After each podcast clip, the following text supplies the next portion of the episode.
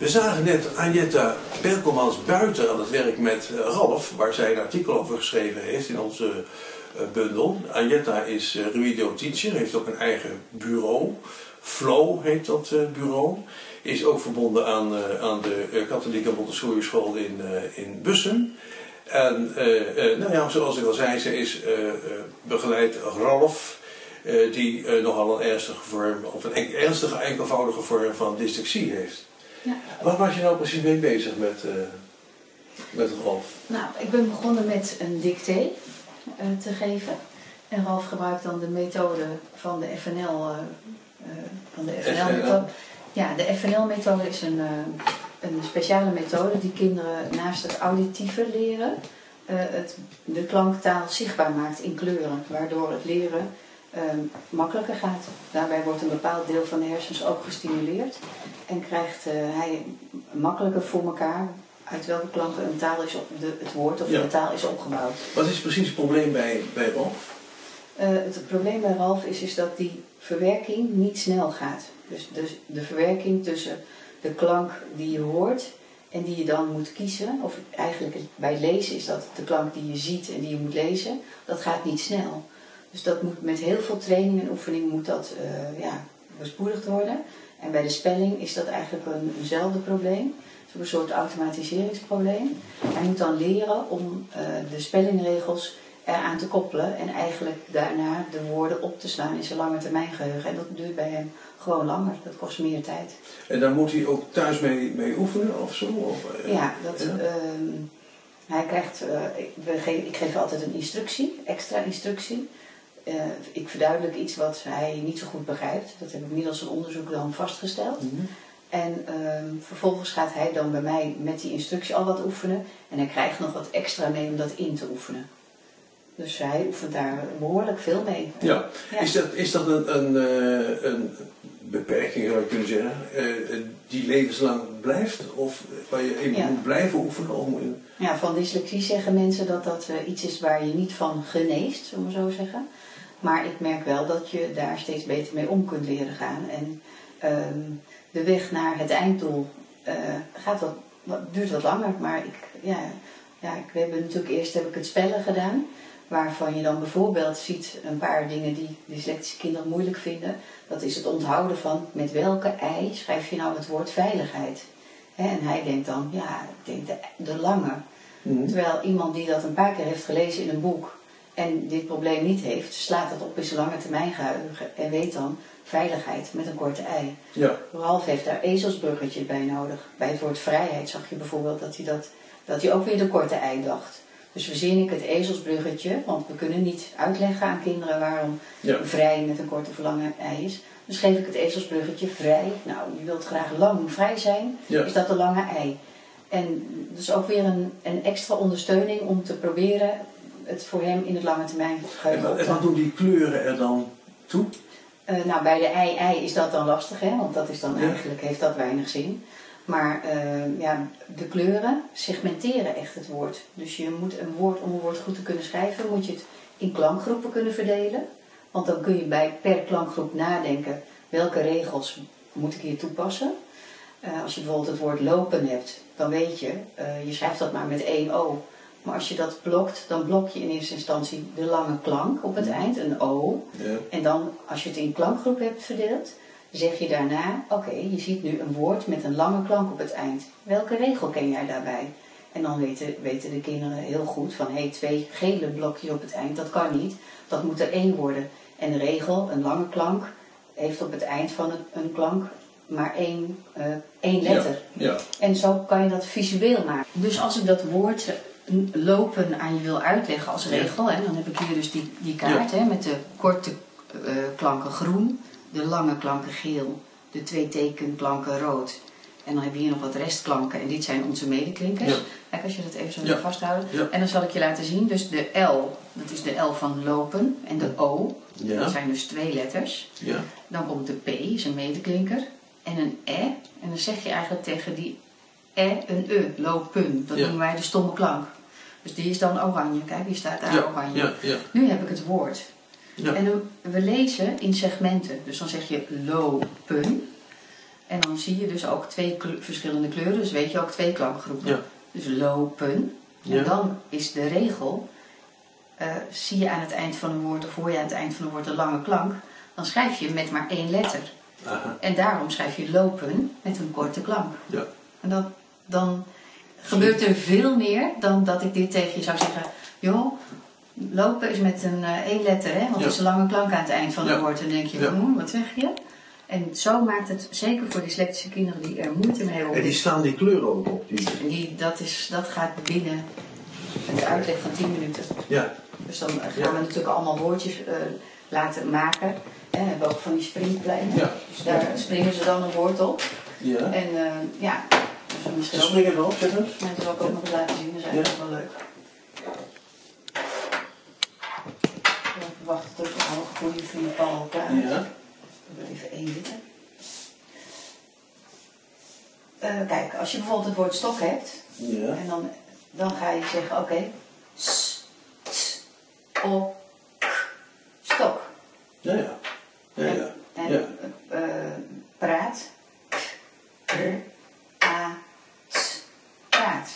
Ja. En wat gebeurt er dan precies? Dan ga je dus de letters. Voor kinderen is het helemaal niet logisch dat het woord boom vier klanken heeft. Nee. Of drie eigenlijk. Eh, en vier letters. Dus dat moeten ze gaan leren. Dat, dat doen ze dan met het eh analyseren, synthetiseren. Hè? Dat, Ja, dat leren ja. ze dan. Maar door het zo te doen, gebeurt er natuurlijk ook iets met je lichaam en met je ogen. Ja. Je handelt iets, dus je beweegt. Dat is een zintuig. Je kijkt eh, en je ziet iets als kleur en je hoort iets. Dus je gebruikt meerdere zintuigen om dit op te slaan. Ja. En dat gaat het nou één keer weten. Ja. Ja. Kun je het ook eh, zonder deze dingen maar met bewegen als zodanig, gewoon fysiek bewegen doen? Eh, ja, want de- deze heb je ook heel groot. Ja. In matten. En dan spring je. Dus dat is helemaal ja, leuk, dat, hè? ja, dat, dat wordt aardig, hè? Ja, dat wordt heel leuk natuurlijk. Ja. Ja. dan vinden de kinderen het einde. Ja. En vooral kinderen die wat hyperactief zijn of erg veel bewegingsdrang nodig, of nodig Ja. hebben. En, of bewegingsdrang hebben. Die willen vaak eh, dit allemaal schrijven. Oh, dan moeten ze helemaal stilzitten.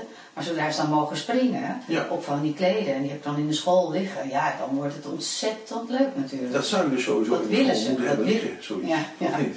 Ja. Ja, Ja. dat zou dus veel moeten. Ja. Nou, deze methode is ontwikkeld door Talita Bouwmans. En zij heeft, eh, de- dat heet de fonologische, fonologische leertheorie. En Dat is de FNL-methode. de FNL-methode, Ja, dat zie je ook in, eh, in, eh, in mijn artikel terug. En ehm, zij heeft daarvoor een methodiek verzonnen voor de kinderen die eh, echt dyslectisch zijn en in de zorg hulp nodig hebben. En daarna waren er natuurlijk veel kinderen die vanuit de zorg weer terug op school kwamen en daar dan eigenlijk geen begeleiding bij kregen. Toen heeft ze een vertaalslag gemaakt met de methode taal in blokjes. Die kunnen leerkrachten wel op school inzetten, remediotities vooral. Mhm. En ehm, nou, wat ik daarmee eigenlijk zelf heb gedaan, is dat ik de, na mijn, in mijn masteronderzoek heb ik onderzocht op welke manier wij die in school goed kunnen inzetten. Ja, maar hoe heb je dat, hoe heb je dat gedaan? Dat is inderdaad heel eh, belangrijk onderzoek, althans voor de school waar jij werkt. Ja, nou ja, goed, het was natuurlijk, eh, we hadden veel kinderen die extern gingen. En we wilden eigenlijk gaan Extern, dat wil zeggen, Ja, naar extern. Ja, die- zo- ja. zoals jij ook Ja, particulier nou ja, het al naar, de, naar de Stichting Taalhulp heet dit. Ja. heet die organisatie. Maar veel kinderen die gingen daar naartoe. En die kwamen dan terug. En wij kregen wel zo'n kaartje te zien als leerkrachten. En dan hadden we eigenlijk zoiets van, ja, wat moeten we ermee? Ja. En eh, uiteindelijk ben ik met kinderen gaan praten en met leerkrachten en met professionals die hiermee werken. Om te kijken hoe dat vertaald kon worden naar, eh, naar het basisonderwijs. En ehm, ja, toen hield eigenlijk het onderzoek op, hè, want zo'n Mhm. masteronderzoek is eigenlijk altijd ook maar heel klein. En eigenlijk eh, bleek dat, het, dat je het wel kon leggen op de bestaande methodes. Ja. Dus je kan het leggen op veilig leerlezen, als dat je leesmethodes, je kunt het leggen op spelling. En dat Leggen op je ja, je kunt, in die inter- methode. ja, je kunt de, de didactiek, waarvoor je eigenlijk wel dan wat kennis eh, moet eh, vergaren. Mhm. En daarvoor geeft zij dan ook workshops. Ehm, die methode die kun je dan eh, op die methodes leggen, op de spellingmethode. Ja. En daarbij ge- geïntegreerd gebruiken. Nou, dat, toen wij eigenlijk dat allemaal hadden onderzocht, ja, hè, Ja. het is, eh, dat het kon. Ja, toen kwam de implementatie en eh, dat heeft best lang geduurd. Maar middels allerlei workshops en uitleg met collega's zijn we dit eh, langzaam maar zeker gaan integreren. En is dat een heel plan geworden bij ons op school. in, in de school, de, de, de, KNS. Ja, de KNS, ja. En hoe, heb je dat gedaan? Eh, eh, eh, Waren je collega's geïnteresseerd om, om, om daarin mee te... Ja, de collega's waren erg geïnteresseerd. Ehm, zij uh, hebben me heel erg gesteund bij het onderzoek. Ik was ook eigenlijk de eerste op de school die een, uh, die een master deed. En dat was allemaal natuurlijk best spannend in die tijd. En um, nou, ik werd heel enthousiast. En als je mhm. ergens enthousiast voor bent, krijg je een flow. Ja. ik hou van het woord flow. Want als je een flow hebt, dan ga je ergens voor. Dan krijg je passie. Ik las zelfs in de krant dat passie uh, burn-out kan voorkomen. Nou, ik denk dat uh, het mooi is om met passie gewoon echt ergens mee bezig te zijn. En dat straal je dan uit. En ze waren erg enthousiast. En we hebben continu met allerlei vergaderingen. dus eigenlijk gewoon de reguliere vergaderingen. Dan was ik de bouwcoördinator en dan zei ik op het eind wel... Oh ja, en nog even over de klank-kleurkoppeling. Hoe gaat het? Wat moeten we veranderen? Wat moeten we verbeteren? Dus ik had een korte workshop gegeven. Toen zijn we samen allemaal aan de gang gegaan met waar, wanneer kan je het gebruiken. Dus bij de verwerking in het werkboekje, bij de presentatie. Wat hebben we dan nodig? Dus we hebben materiaal aangepast. Daar heb ik best wel zelf een groot leeuwendeel op me genomen. Maar ja, dat kwam door, door mijn passie. Ja. En um, nou, daarna zijn we gaan kijken hoe kunnen we het in de hele school inbedden. En bij de kleuters hangen nu alle letters in deze kleur met een afbeelding erbij, zodat de kinderen ook de kleuren alvast aan de letters kunnen koppelen. En voor het vervolg in de school hebben wij gekeken, want eigenlijk zet je dit vrij preventief in voor alle kinderen, omdat je in groep 3, 4 weet je nog niet welke mhm. kinderen een leerprobleem of leesprobleem of stoornis hebben. Ja. Maar later gaat dat dan duidelijk worden en voor die kinderen zetten we het dan alleen in als ze een dyslexieverklaring hebben en het echt nodig hebben. Kan dat, dat jij dat nog doet, kan dat nou voort uit de, uit de visie van de school? Op, wat zijn de uitgangspunten bij de visie wat jou betreft? Nou ja, ik zie dat uh, de, de katholieke Montessori school uh, zorg voor leerlingen hoog in het vaandel heeft staan. En uh, in die tijd kwam nou net het passend onderwijs en het handelingsgericht werken heel erg om de hoek kijken. En ja, bij passend onderwijs moet je ook binnen je school ruimte maken voor kinderen die het met alleen het reguliere programma niet redden. En ja, dat was gewoon een soort samenloop van omstandigheden waardoor de school er ook heel erg voor open stond. Wij zijn natuurlijk als Montessori gaan we uit van het kind. En in dit geval heb je kinderen tempo. eigen tempo op een eigen manier. En uh, ja, het sloot ontzettend mooi aan. Ook de zintuigen die voor meerdere, op meerdere gebieden worden ingezet. Dat is ook eigenlijk iets wat Montessori ook altijd heel erg in haar hele leren heeft verteld. Je moet je leren met je hele lijf. Niet alleen met je hoofd, maar ook met je handen en met, je, ja, met de beweging. En uh, ja. dat is wel heel mooi. Uh, dus, dus, die is ook heel belangrijk voor de persoonlijkheidsvorming, voor de wieldoek om daar... Wat... Ja, nou ja, kijk, het, kinderen die iets niet goed kunnen, die voelen zich heel snel minder waard. En wij willen natuurlijk wel met hun naar een growth mindset van oké, je kunt het misschien nu niet, maar wij, je hebt wat extra hulp nodig om er te komen. En dat hebben wij als school, ja, daar staan we heel erg open voor. Niet iedereen hoeft op dezelfde weg te leren. En dat vind ik zelf ook. Dat is ook de reden dat ik dit doe. Ja. Dat ik denk, sommige kinderen hebben wat meer hulp nodig. En als dat er niet mogelijk is, ja. Ja, dan... Uh, maar zie, je, zie je ook, weet je begeleidt natuurlijk ook zo'n Rolf, half, hè? zie je dat hij echt groeit ook? Ja, door, ja. doordat hij weer beter leert lezen? De, ja, nou Rolf zei zelf al de eerste bijeenkomst... Uh, ik denk dat, dat ik wel veel van je kan leren. En dat, dat, uh, dat ik het zo wel ga redden. Hij las heel zwak en de, de training heeft ertoe geleid dat hij beter leest, maar ook vooral de persoonlijke aandacht. Het vertrouwen in hem. Hij voelt zich nu ook heel trots op wat hij allemaal al heeft bereikt. Ja. En um, hij ziet ook zelf geen belemmeringen in een verdere ontwikkeling en in zijn verdere toekomst door het lezen. Terwijl hij dat eerst wel had. Dus ja, ik, dit is... En dat is een essentiële voorwaarde om, hè, om ja. als kind, nee, maar... als überhaupt als mensen kunnen, kunnen ja. groeien. Ja. Gold het ook voor jouw collega's die, die hiermee uh, bezig gegaan zijn? Want niet iedereen, niet iedereen zal het makkelijk hebben gevonden om... Nee, je, je hebt in het onderwijs altijd wel wat weerstand hè, voor vernieuwing, omdat uh, er moet altijd weer zoveel nieuws. Maar in dit geval kreeg ik terug van de collega's, uh, ik heb nu eigenlijk het gevoel dat ik zelf ook iets kan betekenen voor de kinderen. Voorheen was het, ik deed mijn lessen en externe zorg was buiten de, werd buiten de groep gegeven. En hiermee haalden ze het naar, naar de groep toe. Maar ze zagen ook vooral dat kinderen het heel leuk vonden. Het is natuurlijk heel leuk om woorden te mogen springen en met blokjes en de kleuren eraan te koppelen. En als je schrijft dat je ze ook in kleur mag schrijven. Ja. Dus ja, mensen... En, en, ik heb begrepen ook dat je, je koppelt gebieden aan elkaar. Hè? Dus je hebt theaterboeken en je hebt uh, samen lezen boeken. Ja. En, uh, al dat soort activiteiten die ook eh, eh, kinderen naar, andere eh, culturele interesse en, eh, bij kan brengen en dat soort dingen nog meer. eh. Ja, nou ja, wat het doel van het geheel is natuurlijk dat kinderen gaan lezen met plezier. En eh, nou, er zijn theaterboeken en dan speel je allebei een rol. Wat maakt dat je natuurlijk een, ja, een bepaalde emotie eh, gaat krijgen, waardoor je ook heel veel plezier in het lezen gaat krijgen. En daar, eh, ja, daar zijn we met de kinderen. En vertrouwen en nieuwsgierig worden, Ja. eh, fantasie kan gaan gebruiken. Ja. Dat, dat zijn allemaal ook eh, eh, eh, principes die achter deze methodiek zitten, wat jou Ja. betreft. Ja, ja, zeker.